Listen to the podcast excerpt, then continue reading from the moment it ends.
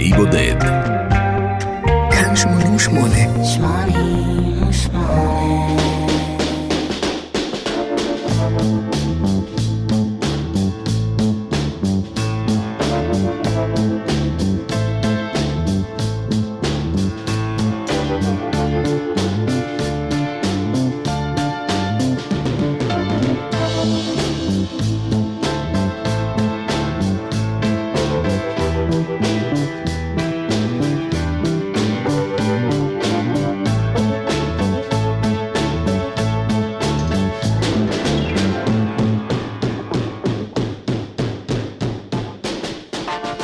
האלבום שאנחנו מפליגים איתו הפעם קרם עור וגידים במהלך סוף שבוע אבוד.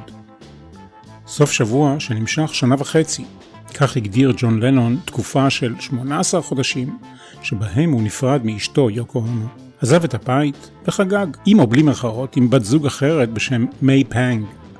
את הביטוי Lost Weekend השאיל ג'ון לנון משמו של ספר שראה אור ב-1944 וסרט בשם זה שהתפרסם שנה אחר כך.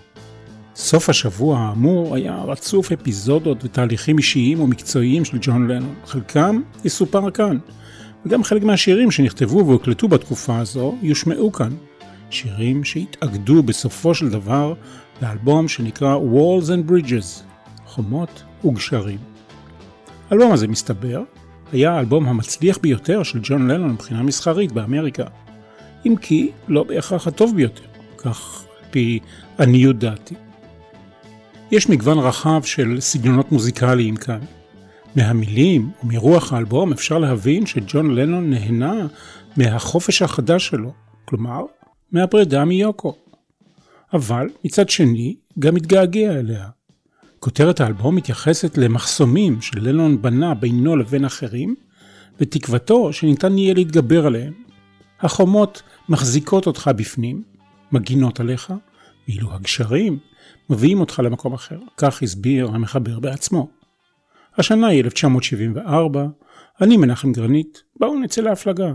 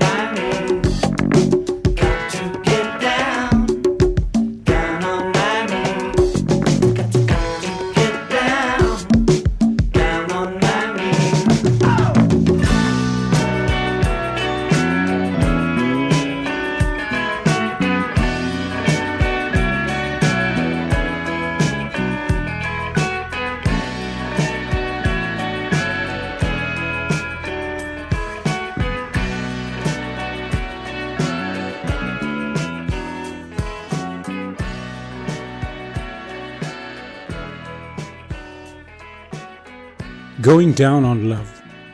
ביוני 1973, כאשר לנון עמד להקליט את אלבום בשם Mind Games, אשתו, יוקו אונו, הציעה שהם ייפרדו.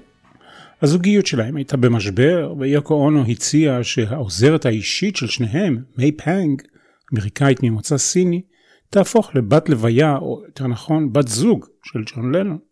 יוקו הסבירה שהיא ולנון לא מסתדרים, הם רבים ומתרחקים זה מזו. היא ציינה שלנון אמר שמי פאנג אישה מושכת. למרות התנגדות ראשונית של מי פאנג שטענה שהיא לעולם לא תוכל להתחיל מערכת יחסים עם לנון מכיוון שהוא היה נשוי והוא גם הבוס שלה, יוקו אונו אמרה שהיא תסדר את הכל, ואכן כך היה. ג'ון לנון עבר עד מהרה לקליפורניה יחד עם מי פאנג, מערכת היחסים ביניהם הייתה זוגית לכל דבר.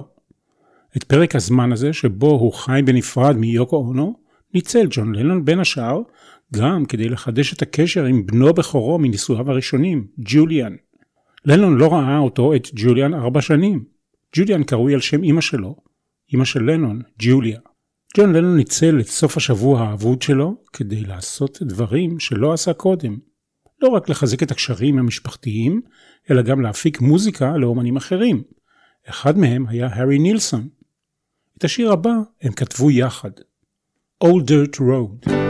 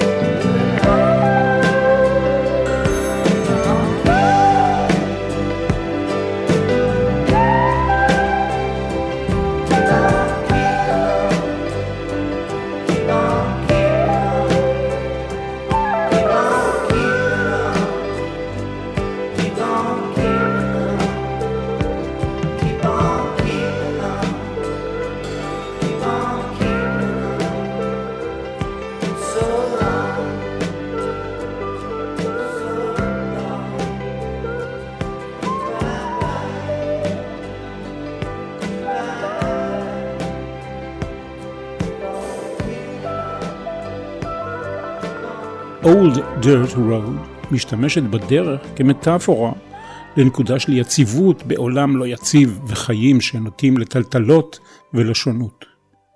בשורה בשיר שהארי נילסון כתב, החיים מתוארים כניסיון לדחוף עשן עם קלשון ברוח.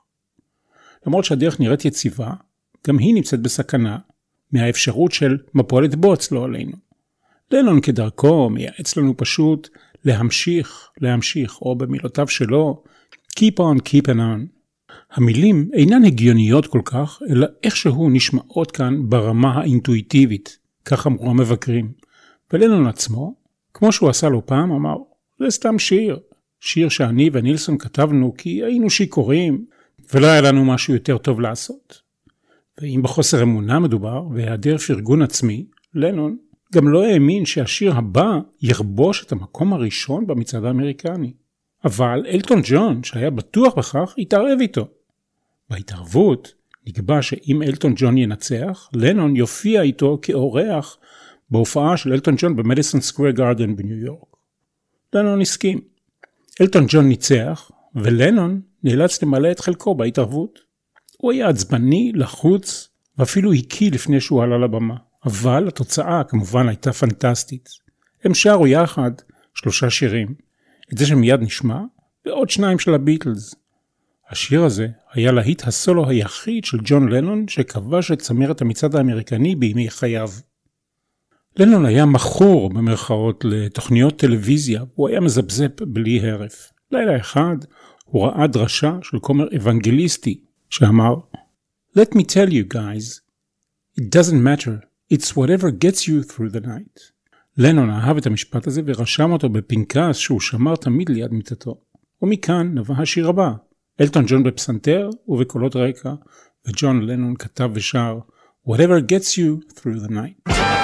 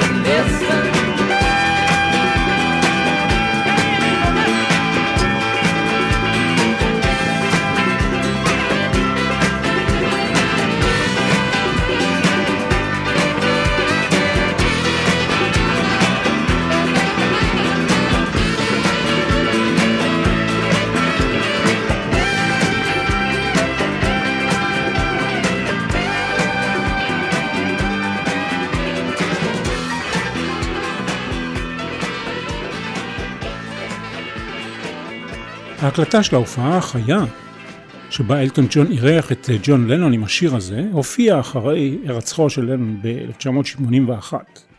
ועוד משמעות סמלית, יוקו הונו הגיעה להופעה הזאת ומאחורי הקלעים של ההופעה היא שבה והתאחדה עם בעלה ג'ון לנון וכך הסתיים בפועל סוף השבוע האבוד. סוף השבוע האבוד הזה התחיל ברגל שמאל, או שמא נאמר ברגל שיכורה.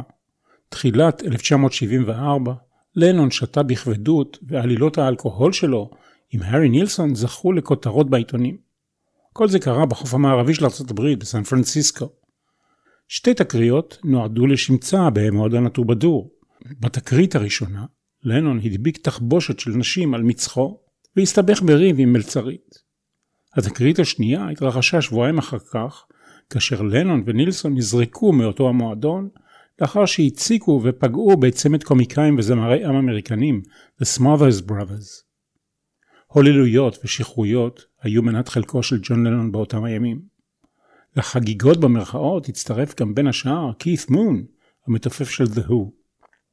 השיר הבא, What You Got, משקף את התסכול של לנון מהפרידה מאשתו. אתה לא יודע מה שיש לך ביד עד שאתה מאבד את זה. המנגינה היא אפרית, אבל היא מביעה את החרדה של לנון ממצבו האישי. הוא מקונן על הזמן שהוא בזבז על שתייה לשוחרה כדי לנסות ולשכוח. What you got? One.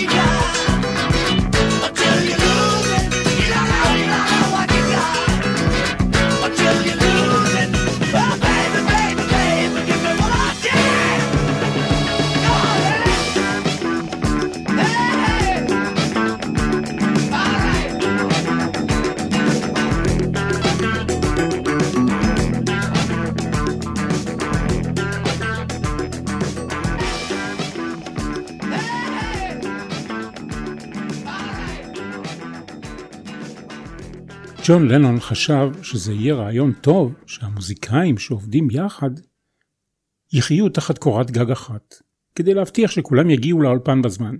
מיי פאנג, בת זוגו, שכרה בית על החוף בסנטה מוניקה, שבו גרו יחד היא ולנון, הארי נילסון, רינגו סטאר וכית מון. במקביל היא עודדה את לנון, כאמור, לשוב ולחדש קשרים עם משפחה וחברים. לנון ומקארטני, שהיו בריב ובדו-קרב מילולי ושירי ביניהם, חידשו את הקשר, אפילו ניגנו יחד בפעם הראשונה והיחידה מאז שהתפרקו הביטלס. מדובר בסשן הזוי שבו השתתפו בין השאר גם סטיבי וונדר, הארי נילסון ולינדה מקארטני. מלבד החיבור הזה, שהופץ על גבי בוטלג, מיי פנג דאגה כאמור לאיחוד בין אבא לנון לבנו בכורו ג'וליאן.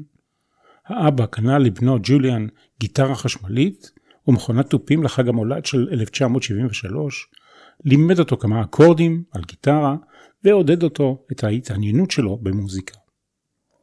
ג'וליאן נזכר בערגה בתקופה הזאת, הימים שבהם לנון היה עם מיי פנג ולא עם יוקו אונו. נהנינו מאוד, צחקנו המון, הזיכרונות שלי מהתקופה ההיא עם אבא ומיי ברורים מאוד. זו הייתה התקופה הכי שמחה שאני זוכר איתם. במובן מסוים, השיר הבא הוא על ג'ון ויוקו, אבל זה גם שיר על הרבה זוגות, ובעצם על כולנו, ועל חוויית האהבה, על איך שאהבה משתנה. וזו אחת ההפתעות של החיים שכולנו מגלים, שאהבה לא נשארת בדיוק אותו הדבר כל הזמן, היא מופיעה בצורות מסתוריות ונפלאות. כך לנון על השיר הבא, Bless You.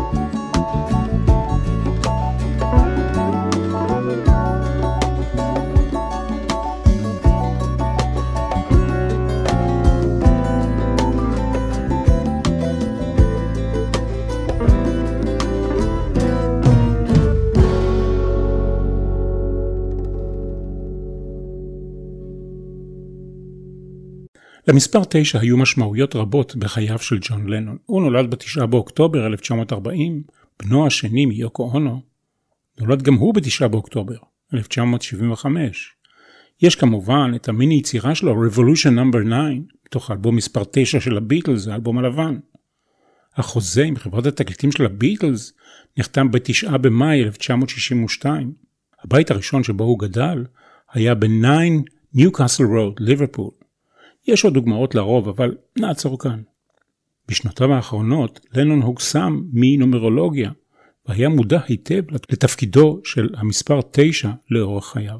ומכאן לשיר הבא, שאותו חלם ג'ון לנון, חלום מספר 9, Number 9 Dream, שיר שהגיע למקום מספר 9 במצעד הבילבורד האמריקני. לנון כדרכו לא העריך נכוחה את השיר שכתב, אם כי בתוך תוכו הוא אהב את השיר הזה מאוד. חלום מספר 9 הגיע ללנון בחלום. הוא אמר שהשיר פשוט נשלף החוצה.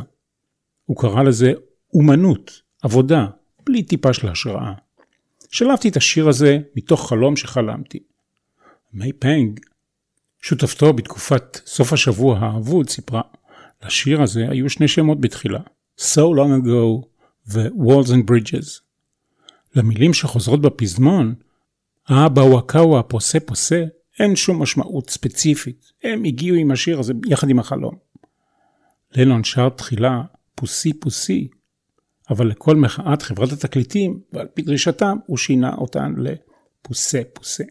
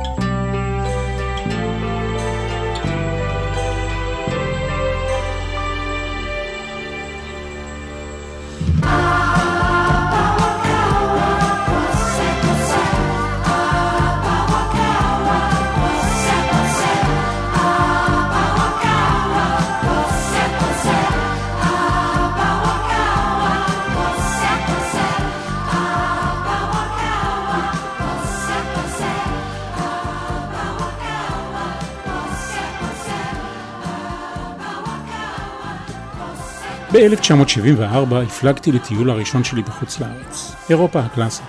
כאשר נחתתי באמסטרדם, הולנד, ונכנסתי לחנות תקליטים מקומית, אורו עיניי, לראשונה ראיתי על גבי מדפים תקליטים לא חוקיים, מה שמכונה בוטלגס, נמכרים בראש חוצות.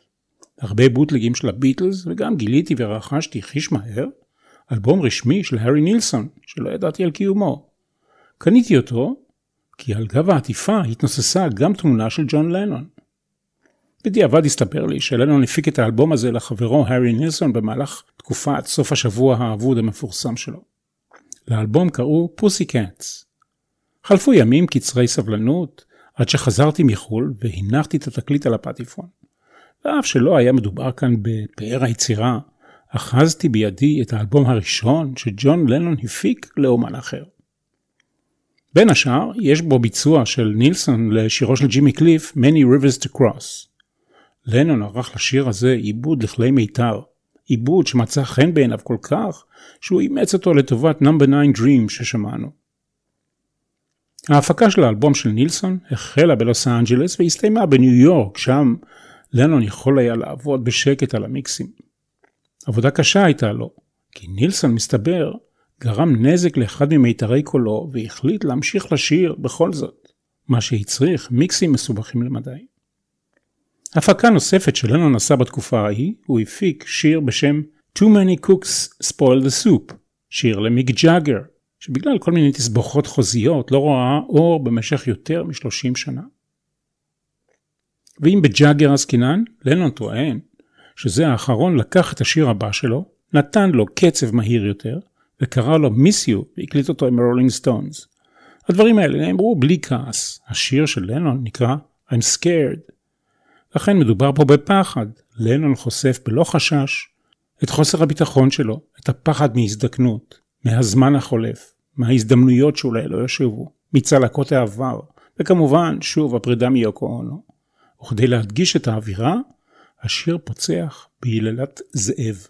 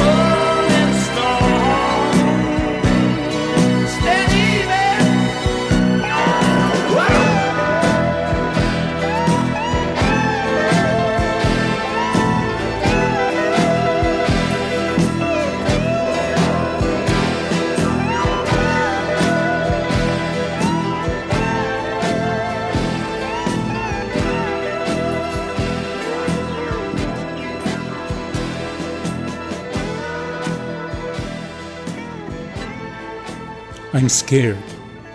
במהלך סוף השבוע האבוד היו ניסיונות כאוטיים להקליט אלבום של שירי רוק אנד רול ישנים עם פיל ספקטור כמפיק.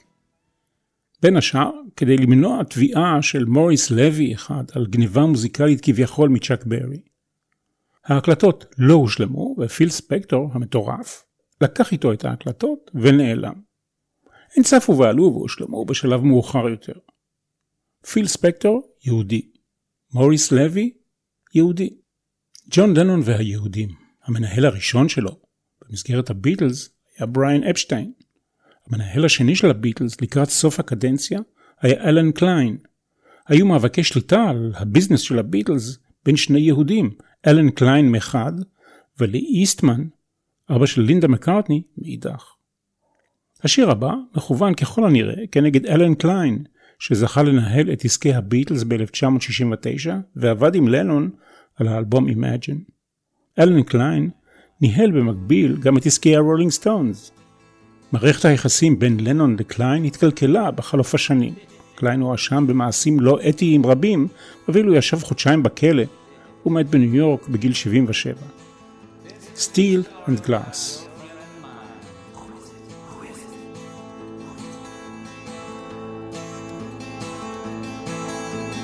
There you stand with your LA tan and your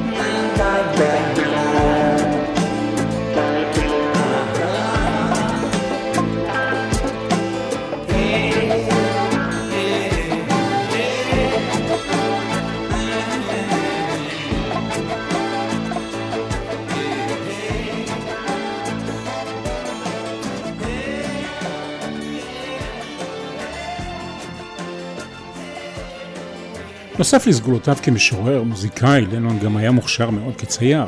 במקור הוא התכוון להשתמש בכמה מהציורים שהוא צייר בילדותו לעטיפה של אלבום של שירים ישנים.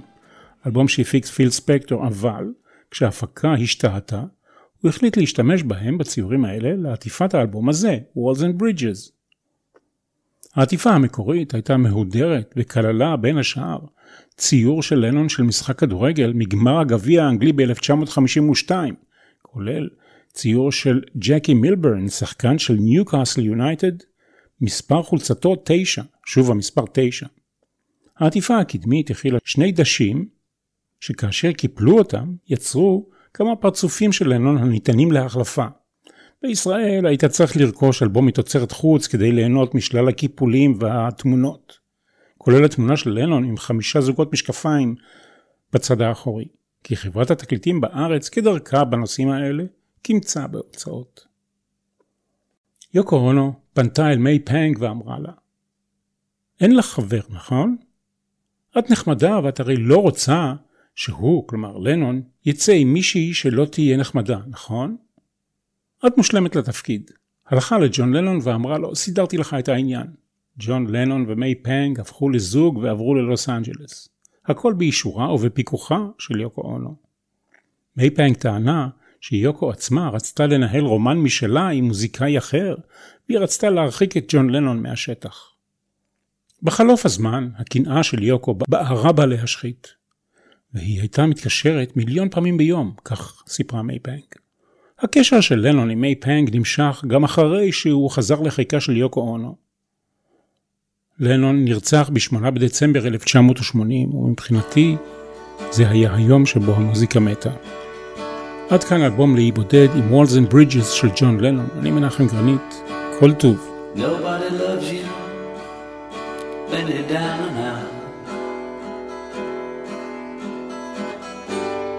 Nobody sees you when you're on cloud nine.